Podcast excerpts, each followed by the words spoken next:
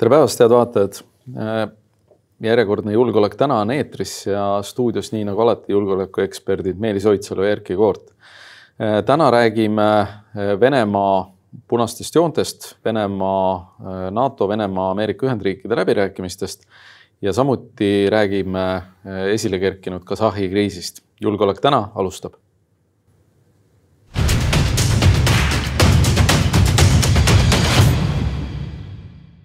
nii, esimese teemana siis äh, Venemaa punased jooned Venemaa, NATO, Venemaa, Ameerika Ühendriikide läbirääkimised. et nii nagu me siin tegelikult varem oleme rääkinud, äh, venelased on ju, nad ei ole kunagi neid punaseid jooni värvanud ja nii nagu siin äh, paar saadet tagasi välja öelduna, paar päeva hiljem siis venelased ka need punased jooned taaskord sõnastatuna ja paberile ilusti panduna esitasid NATO-le.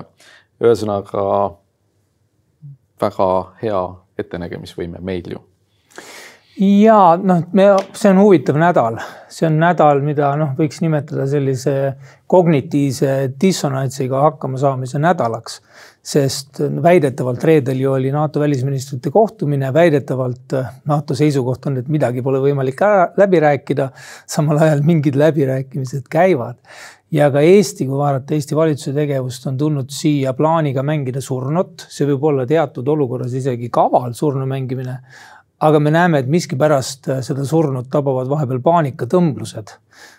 laupäeva hommikul tegid Kallas, Mihkelson ja Laanet ühise avalduse, kuidas suht usaldusväärsest allikast pärin, pärit info Ameerikast, NBC ajakirjanikelt on venelaste infoops see oli ilma igasuguse faktilise aluseta tehtud selline püüd rääkida Ameerika valitsuse eest ja kuidagi aidata seega liitlassuhteid hoida, aga selline nii-öelda ülepüüdlikkus, mis võib mõjuda ka hoopis vastupidiselt taotlus, taotletule. et see näitab, et meie valitsusel tegelikult ei ole väga head plaani praegu. Ja mulle ka tundub, et see natukene on me oleme sattunud nagu olukorda, kus me tegelikult riigina ei ole väga tihti olnud, et, et see kolmkümmend varasemat aastat on olnud küll rasked, aga mõneti etteaimatavad. siis äh, praegu oleme me äh, nagu seda tüüpi olukorras, äh, kuhu me arvasime, me ei satu, eks peale seda, kui Trump andis võimu üle, küll väikeste ka tõmblustega, eks Kapitooliumil, siis peale seda me lootsime, et Biden noh, muudab nagu asja, asja tuntavalt et Bideniga me ei näe mitte midagi sellist ettearvamatust, nagu me nägime Trumpiga. Afganistanist väljatulek, Afganistani nii-öelda poputatud valitsuse kokkukukkumine ja tegelikult ka praegused sellised avaldused või käigud on tekitanud ju olukorra, et, et noh, tahtsime Bidenit, saime Bideni, aga. ja noh, ma seda nagu noh, igaüks võib parastada vastavalt poliitilisele sümpaatiale emba-kumba, kas Trumpi või Bideni pooldajaid. kokkuvõttes on see Bideni praegune, ma arvan, suutmatus ka äh, väljas midagi väga selgelt teha, osaliselt seotudki Ameerikas puhkenud kultuurisõjaga. ja äh, ka selle faktiga, et Bidenil on äh, kõikide märkide järgi ainult üks ametiaeg, ta juba tahab tegeleda oma pärandiga. temal on kiire Putinil on aega võrreldes Bideniga päris palju ja noh, see paistab natukene ka välja selline kärsitus sattuda ajalukku mingisuguse suunamuutusega ja tõepoolest, äh, nagu me teame, eks äh, paavstid määratakse ametisse eluaegsena ja Putin on juba väga paljudega neist kohtunud.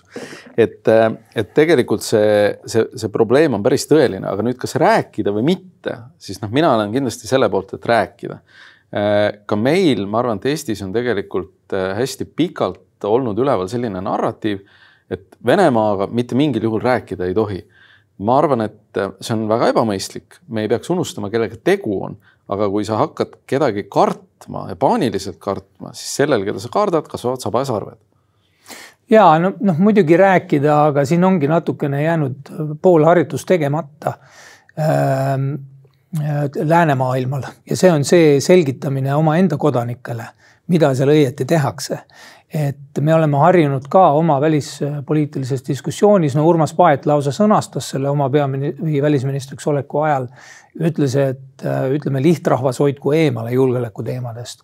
natuke lõi seda välja ka eelmise nädala vastusest Urmas Reinsalule, kes tegi, küsis, et kas me ei peaks Eesti nähtavust tõstma ja andma teada, et meie julgeolekutaju või olukorrataju, liitlassuhete taju on veidi kriisis mm. -hmm. mitte seetõttu, et liitlased on halvad, vaid et me ei saa päris hästi aru, mis see on ja sellele tuli ka noh, ikkagi ähm, suht ülbe vastus. suht, suht selline ja. ülbe ja noh, paanikat reetav vastus ja sisulisi vastuseid praegu meie ministritel, kui ma kuulasin Laaneti seal ERR-i otseuudistemajas saadet Äh, noh, talle ei ole suudetud panna kaasa isegi jutupunkte, mis ühe lause ulatuses kuidagi koos püsiksid mm. -hmm. et ähm, noh, mõnevõrra hakkab kätte maksma see, et praeguses koalitsioonis on tandemina pretsedenditult nõrk koosseis lihtsalt ministrite positsioonil välis- ja julgeolekupoliitikat äh, ajamas, et kui me räägime siin heidutusest siis tulevikku vaadates esimene heidutus võiks olla see, et meil on inimesed, kes suudavad rääkida midagi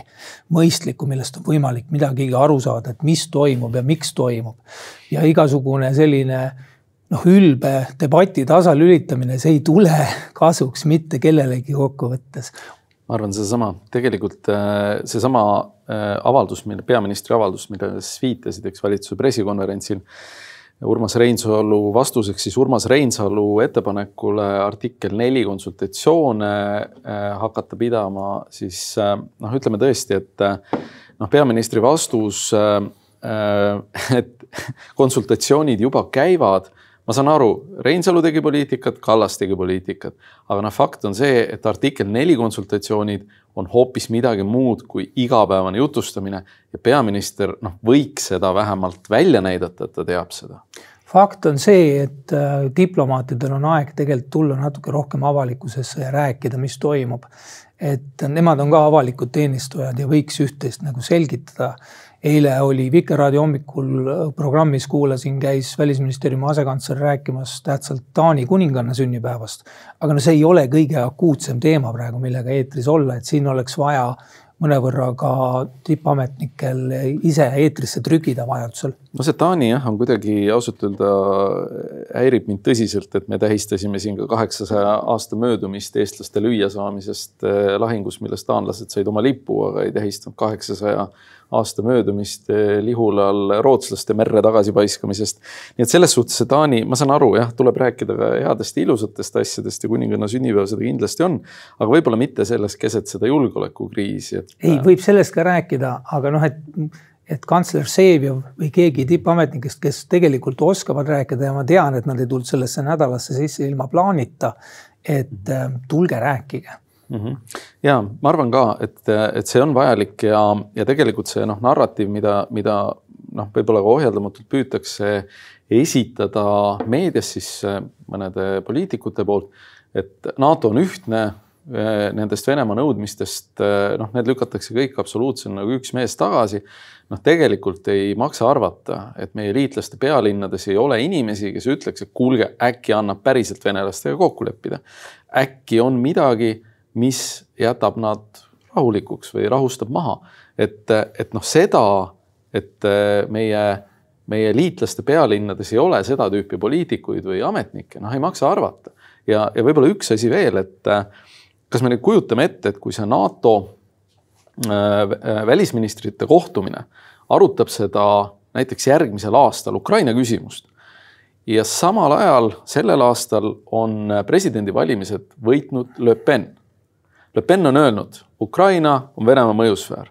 kas Eesti välisminister, kes iganes sel ajal välisminister on, suudab äh, peale seda avaldust öelda, et hea küll, jätame siis Mali ka Vene mõjusfääri, mis on eks prantslastele endise kolooniana ülitähtis ju tegelikult ja noh, Aafrika, Eesti Aafrika väejuhatus, äh, Aafrika väejuhatuseks, aga praegu on siiski noh, kõige olulisem ikkagi saavutada mingi initsiatiiv läänel nendes läbirääkimistes. me ei näe seda, et lohisetakse sisuliselt noh, Putini võtmekimbu küljes seal. ja seda küll, mis ma tahtsin, millele ma tahtsin tähelepanu juhtida selle Mali ja, ja Ukraina paralleeliga on see, et et minu arust sellist nõudlikkust liitlaste suhtes on olnud äh, natuke vähe. kui üldse, et ka liitlaste käest tuleb küsida vastuseid ja mõnikord võivad need diskussioonid olla ka natukene pingelisemad, võib-olla teinekord ka ebameeldivad, aga, aga mis mul on tunne, et me tihtipeale kipume ära unustama sellesama Eesti huvi. meie huvi ei ole läbi saada ühegi Prantsuse äh,, USA ega, ega Suurbritannia diplomaadi või poliitikuga. meie huvi on tagada, et Eesti oleks äh, julgeolekuliselt heas positsioonis. ja mulle tundub ka, et me ei julge oma välispoliitika ebameeldivatest teemadest rääkida. Äh, ja noh, vaikimine ei ole usalduse märk et kui sa ei julge oma sõbraga rääkida või kui ei julge ka polemiseerida lähenemisi, et siis see ei tekita mingisugust noh, julgust juurde, kui meie julgeolekuametnikud ei julge asjadest rääkida või ei oska nendest rääkida et see, see osa meie noh, üldse sisepoliitilisest mm. Poolest, meie välispoliitika kujundamise sisepoliitilisest poolest vajab nagu paremat hoolt ja siin peaks välisministeerium noh, avama võib-olla siseasjade osakonna ka, et kuidas, kuidas natukene tekitada ka mingitki debatti parlamendis, mis ei oleks kohe plaan B-de ja C-de väljakuulutamine, eks ole, et natuke on vulgariseeritud see debatt. aga ta on vulgariseeritud sellepärast, et tegelikult ei taheta nagu ennetavalt kujundada ka seda inforuumi väga. et, et noh, see ettehool on jäänud natukene tegemata siin. meie saate ajaks ei ole toimunud veel äh, NATO-Vene mitteametlikku, mitteametlikku tippkohtumist. et äh, Äh, NATO välisministrid teatasid eelmisel reedel, et äh, Venemaa nõudmised, punased jooned lükatakse ühtsena tagasi, mida noh, oligi arvata. aga millestki ometigi räägitakse ja, ja see rääkimine ilmselt ei ole selline, et, et NATO välisministrid ütlevad nagu, nagu üks, üks mees või üks isik, et et me lükkame teie ettepanekud tagasi, Venemaa ütleb, et okei okay,, hea küll, me jääme endale kindlaks, aga ikkagi ja siis tõusevad delegatsioonid püsti ja lähevad laiali. ja siin oli ju ka äh, peaminister Kallas ütles, et mingeid läbirääkimisi ei ole, et lihtsalt räägitakse noh, et see ei ole ka päris see, et lihtsalt nagu eitu, eituse või, või millegi eitamise teel asjad olematuks mm -hmm. ei muutu, et natuke ollakse, valitsus on natuke nagu selles Leslie Nielseni filmis, et nothing to see here ja taustal siis ilutulestiku tehas plahvatab. ja e, see on, see on tõsi, aga noh, kui võtta ka e, Eesti e, saadik Nõukogu avaldused, et, et NATO on ühtne ja, ja NATO-s midagi juhtuma eh, nii-öelda ei hakka, ühtegi mõret ei ole, eks, Jüri Luige avaldusi, siis ma pean silmas. siis eh, noh, see on jälle seesama küsimus, et noh, millestki räägitakse, Venemaa ütleb midagi, delegatsioonid vastavad midagi, vastavad Ameerika Ühendriigid, see on selge, et, et Venemaa huvi on alati rääkida suurtega ja kannatada vahepeal siis ära need väiksemad riigid. ja võib-olla selle teema kokkuvõtteks, et see me oleme ka mõnes mõttes eituses, nagu see NBC-le, see äh, meie enda valitsuse meiesuunaline infooperatsioon näitas NBC uudisele vastuseks. Et me oleme ise ka eituses, et ka Washingtonis ongi reaalselt erinevaid mõtteviise. muuhulgas on selliseid, mis ei pea seda Balti regiooni kaitset ja üldse NATO idatiiba noh, suuremaks asjaks, huviks üldse ameeriklastele. ja seda tuleb ka kuidagi aktsepteerida, hõlmata ja sellest peab suutma ka rääkida, muuhulgas ka noh, meie saadik Washingtonis, Kristjan Prikk, millegipärast ei ole teda kuskil eetris, loodetavasti tuleb ja selgitab tuleb. ka üht-teist. ja tuleb. Äh, aga kui võtta korra veel siia juurde Afganistan ja, ja tegelikult USA vägede Afganistanist suhteliselt kiire lahkumine, nagu me varem oleme rääkinud, tohutu suur või, või maailma mastaabis pretsedenditu sõjaline abi Talibanile siis on selge, et Bideni administratsioon soovib ka mõnes mõttes revanši või, või ütleme, soovib mingit edulugu sinna kõrvale. ma väga loodan, et see ei ole naiivne suhtumine Venemaasse ja ma olen ise jälginud seda, mis nende narratiividega on USA pinnal toimunud ja seal ka suhteliselt ütleme konservatiivsed nagu sellised kaitseblogid või blogijad, kaitseteemade blogijad on hakanud juba levitama seda narratiivi, kuidas Putinil äkki ikkagi on mingisugune legitiimne hirm NATO ees. noh, meie enda Kadri Liik käis ju välisilmas rääkimas, kuidas NATO ongi oht Venemaale. Et, et kahtlemata see narratiiv on seal tugevalt esindatud ja ka Bideni julgeolekukomitees selgelt sees. ma arvan, et, et, et tegelikult, kui vaadata nüüd korraks Moskva poolt, siis noh, tegelikult mida Venemaa tahtis, ta tahtis ühe punase joonena lükata NATO väed tagasi külma sõja aegsetele positsioonidele. kui vaadata kaarti, siis tolleaegsest Leningradist olid NATO väed kahe tuhande kilomeetri kaugusel. Täna on kahesaja kilomeetri kaugusel.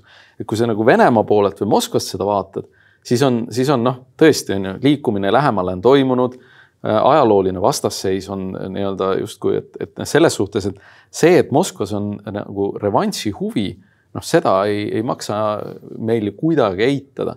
aga, aga see ei ole kindlasti põhjus, et me ei peaks püüdma, mitte püüdma Venemaast aru saada, vaid saama Venemaast aru, mis on tema eesmärgid selleks, et enda julgeolekut kindlustada ja selleks, et, äh, et äh, seda ka liitlastele selgitada, sest tegelikult äh, noh, Eesti noh, kui, kui siin küsiti ühe, ühe mitte nüüd praeguse kaitseministri, aga ühe varasema kaitseministri käest, et kas te olete kohtunud oma ametivenna Sergei Šoiguga, Venemaa kaitseministriga, siis ta vastas, et ei, ei, ei, mitte mingil juhul. aga noh, kui sa, kui sa nagu a priori äh, välistadki selle, et noh, ma ei ütle, et tingimata nad peaks omavahel kohtuma, siis äh,, siis sellele teisele poolele kasvavad saba ja sarved. ja no olgem ausad, mis eksperdiks sa ennast pead, kui sa ei ole ühtegi Venemaa kõrgema võimuešeloni inimest kunagi isegi näinud ja ma arvan, et äh, see kriis on selgelt näidanud, et meil on vaja välispoliitilist tegelikku debatti. et see aeg, kus öelda, et meil äh, siniverelised ainult tegelevad diplomaatiaga, et see kahjuks on läbi. tahame seda või ei taha ja, ja nendest teemadest tuleb rääkida ja kõige paremini saab seda rääkida siis, kui äh, julgeolekupoliitikat kujundavad ametnikud ise teevad otsa lahti ja raamivad selle debati. vastasel juhul on see jah, sihuke kaeviku sõda, sõda Riigikogus ja loosungite pildumine. ja, ja tegelikult on ju NATO-Venemaa äh, kohtumisel tõmmatud kübarast välja ka teine kaart Kasahstan. ja nüüd me lähmegi teise teema juurde.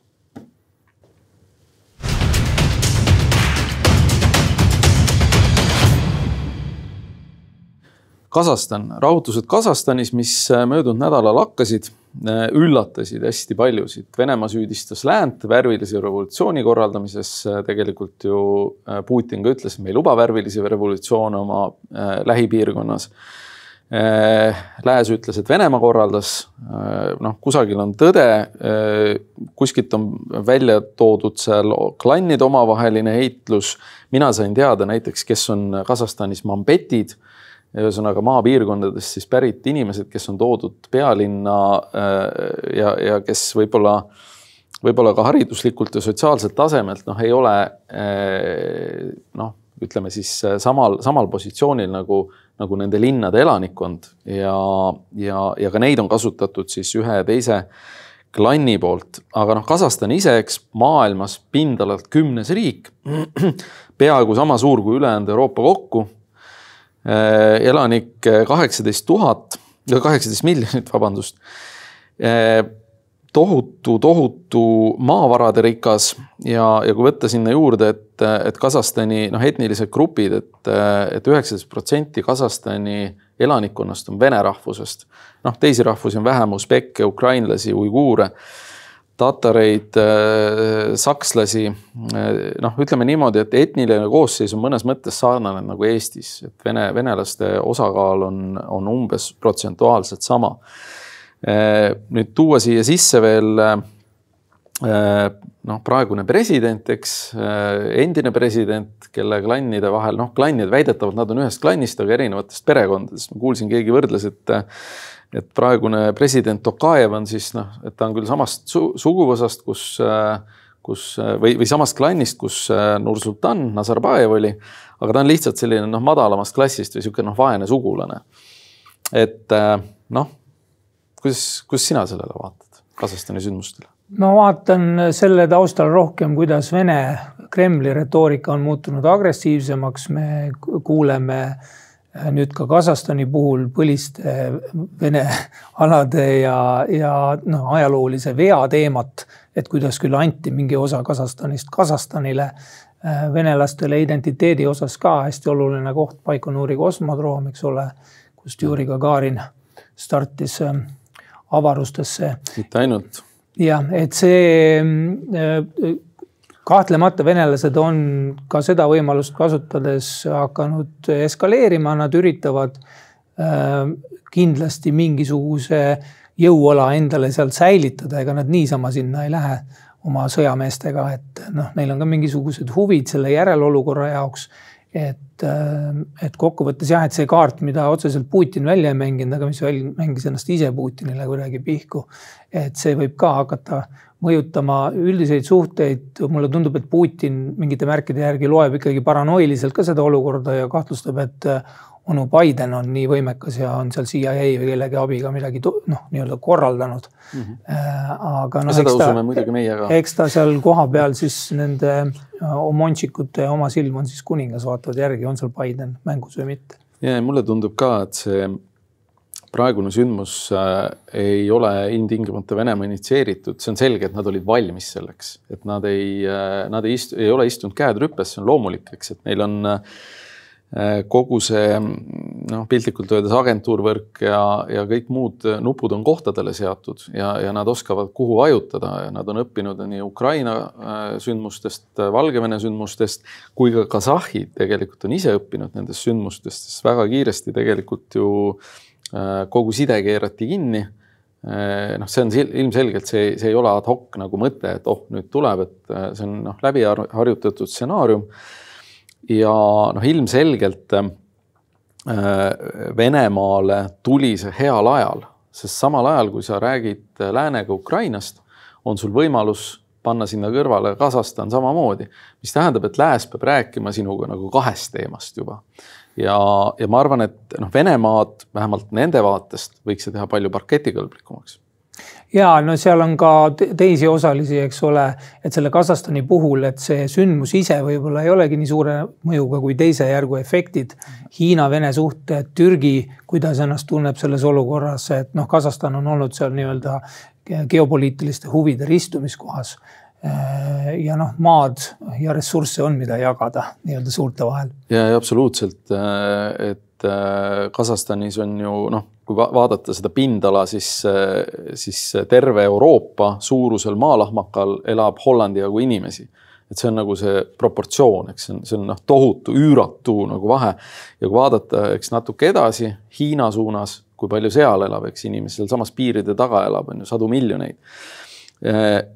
Nüüd tulles tagasi selle võimu haaramise juurde, siis noh, tegelikult praegune president tuli võimule kahe tuhande üheksateistkümnenda aasta juunikuus ja, ja see võimu üleandmine oli suhteliselt, mitte suhteliselt, vaid oligi kontrollitud. Nazarbajev andis võimu üle Stokajevile. Äh, nüüd äh, noh, Tokajev ilmselgelt on äh, läinud seda teed, et lülitada Nazarbajev nagu välja ja, ja kuuldavasti ka väga paljud võimuladvikusse kuuluvad inimesed ei, ei maini täna, eks Äh, Kasahstani pealinnast rääkides selle nime, äh, mis tähendab, et noh, suure tõenäosusega nimetatakse ka Nur Sultan varsti ümber millekski muuks, võib-olla Tokajev, Nur Tokajev, jumal, jumal teab, mis asjaks. Äh, president ise praegu on selles mõttes natukene huvitava taustaga. Ta on seitsmekümne viiendal aastal lõpetanud Venemaa siis diplomaatide kooli MGIMO ja vahetult enne seda olnud juba praktikal Hiinas ja peale seda saadetud kohe Nõukogude Liidu saatkonda Singapuris. Äh, tema karjäär on olnud äh, hästi palju seotud Vene välisministeeriumiga, kaasa arvatud ÜRO-ga, mis on nüüd traditsiooniliselt tegelikult nii Nõukogude kui Vene diplomaatiale olnud üks selliseks noh, väljendiks või väljendus äh, karjääri tegemise kohaks, eks, et meil on noh, võimalus teha karjääri Euroopa Liidus, NATO juures noh, venelastel ÜRO-s, et ma väga loodan muidugi, et tulenevalt sellest meie eesistumisest ÜRO julgeoleku, eesistumisest äh,, ajutisest liikmestaatuses ÜRO Julgeolekunõukogus äh, on ka Eesti diplomaatide nii-öelda püüd jõuda ÜRO-s edasi noh, elavnenud mul Kasahstani kohta rohkem midagi öelda ei ole, aga üldises plaanis see olukord, mis praegu on. Äh, ma väga loodan, et meie asutustes tegeletakse juba kolme kuu äh, perspektiivis võimalike halbade stsenaariumidega. täitsa võimalik, et hakatakse eskaleerima sõjaliselt pingestama ka NATO liik-, liikmesriikide vastu, olgu siis mingite õhulöökide ähvardustega -hmm.. noh, et meil tekivadki siin Eestis mingisugused veel äh, siuksed veidramad olukorrad, mida on hallata vaja juba turvatunde mõttes inimestele rääkida, mis on tegelik risk ja miks me arvame, et üht või teist riski ei ole. ja jõuda sinna olukorda, kus me ministrid ei anna ähm,, ei jäta totakat muljet sellega, et nad lihtsalt eitavad, et mingid asjad nagu toimuvad, mis uudistes CNN-is on näha, et need toimuvad, et selliste äh, nii-öelda sõnumite, aga ka, aga ka tegevusliinide tasemel tahaks natukene läbinähtavat äh,, nähtavamat plaani, et kuidas me seda kriisi tahame äh, ohjata, sest et noh, vastasel juhul, kui sa seda plaani oma inimestele ära ei müü, siis noh, ära ei imesta, kui inimesed ka siis hakkavad vaidlustama seda täiesti asjakohatult teinekord tõsi ta on. Äh, ma räägiks korra veel äh, sellest, äh, kui, kui kiiresti viidi sinna Kasahstani sisse tegelikult Venemaa väed ja ka teiste siis kollektiivse julgeolekulepingu organisatsioonide väed, et, et meenutuseks siis vaatajale-kuulajale, et kollektiivse julgeolekulepingu organisatsioon tegelikult loodi umbes aasta peale Varssavi pakti laialisaatmist. Ja, sinna on siis erinevatel aegadel kuulunud äh, ports äh, riike, mõned on seal äh, mitu korda sisse astunud ja välja astunud, praeguseks on siis kuus riiki, millest kõige olulisemad ehk mida, mida meeles pidada praegu ongi Venemaa, Valgevene, Armeenia ja Kasahstan. miks see on hästi märgiline, et tegelikult oli, on esitanud veel kaks riiki ju palve seda organisatsiooni kasutada Need olid Kõrgõzstan oma mingi sisemiste rahutuste korral ja teine oli Armeenia Mägi-Karabahhi konfliktis. kummalgi juhul seda ei aktiveeritud, mis on huvitav, et, et nüüd seda tehti noh, ülikiiresti tegelikult. ja, ja noh, siin on võrreldud nagu ka NATO kiirreageerimisjõududega ütleme niimoodi, et noh, NATO-l endal ei ole sõjaväge, eks sõjavägi on liikmesriikidel ja samamoodi ka sellel kollektiivse julgeoleku lepingu organisatsioonil ei ole oma sõjaväge, tal on ikkagi liikmesriikide väed. ja on selge, et noh, et ühe väeosa alarmeerimine käib kiiremini kui, kui terve mingisuguse pika poliitilise konsultatsioonidahela. Äh, no eks seda serveerib ka Kreml kui äh, noh, ütleme nende loodud alliansi suuremat tõhusust võrreldes NATO-ga, et näete, meil siin äh, reageerime kriisidele, väed mm. liiguvad, teeme seda ööpäevaga sisuliselt. meil, ma pean küll tunnustuseks ütlema, taanlased saatsid siia ikkagi, saadavad piirkonda fregati ja, ja ka mõned hävitajad Leetu juurde õhuturvet tegema mm. -hmm ja noh, ma olen kindel, et käivad ka muude kriisiplaanide osas läbirääkimised, et meil õigel ajal oleks siiski piisav liitlaste nähtavus vajadusel siin ka olemas, et halvemaid stsenaariume ära turvata, sest täna me oleme juba sellises tsoonis, tahame või ei taha. et, ähm, et see ohutajuga inimesed harjuvad ära, aga ohutase võrreldes aastataguse ajaga on määratult kõrgem ja, ja ma arvan, et tegelikult oli Venemaale seda Kasahstani kriisi väga vaja sest äh, see on see väike võidukas sõda, kus Venemaa on äh, teinud nüüd midagi sellist, mida ta noh, pikalt ei ole teinud või on eitanud. et noh, et Ukraina suunal, okei okay,, Krimm jääb kaks tuhat neliteist, Ida-Ukrainas äh, see konflikt ei ole Venemaale tegelikult olnud kuigi edukas ja avalikult ei saa seda ka nii-öelda eduks presenteerida. tõsi, noh, Süürias on olnud mingisuguseid edulugusid, aga on olnud ka väga karme tagasilööke, eks Wagneri praktiline hävitamine ja, ja muud sarnased asjad. Nüüd viimane asi, eks Mägi-Karabahh ja noh, tegelikult oli, oli see ikka väga suur probleem Venemaa diplomaatiale, Venemaa positsioonile, sest ar ei Armeenia ega Aserbaidžaan ei kuulanud oma konfliktis tegelikult Venemaad ja Putinit. ja, ja see kõikuma löönud usk, noh, tuli kuidagi taastada ja, ja mäletatavasti rahuleping sõlmiti peale seda, kui aserid lasid kogemata alla Venemaa helikopteri.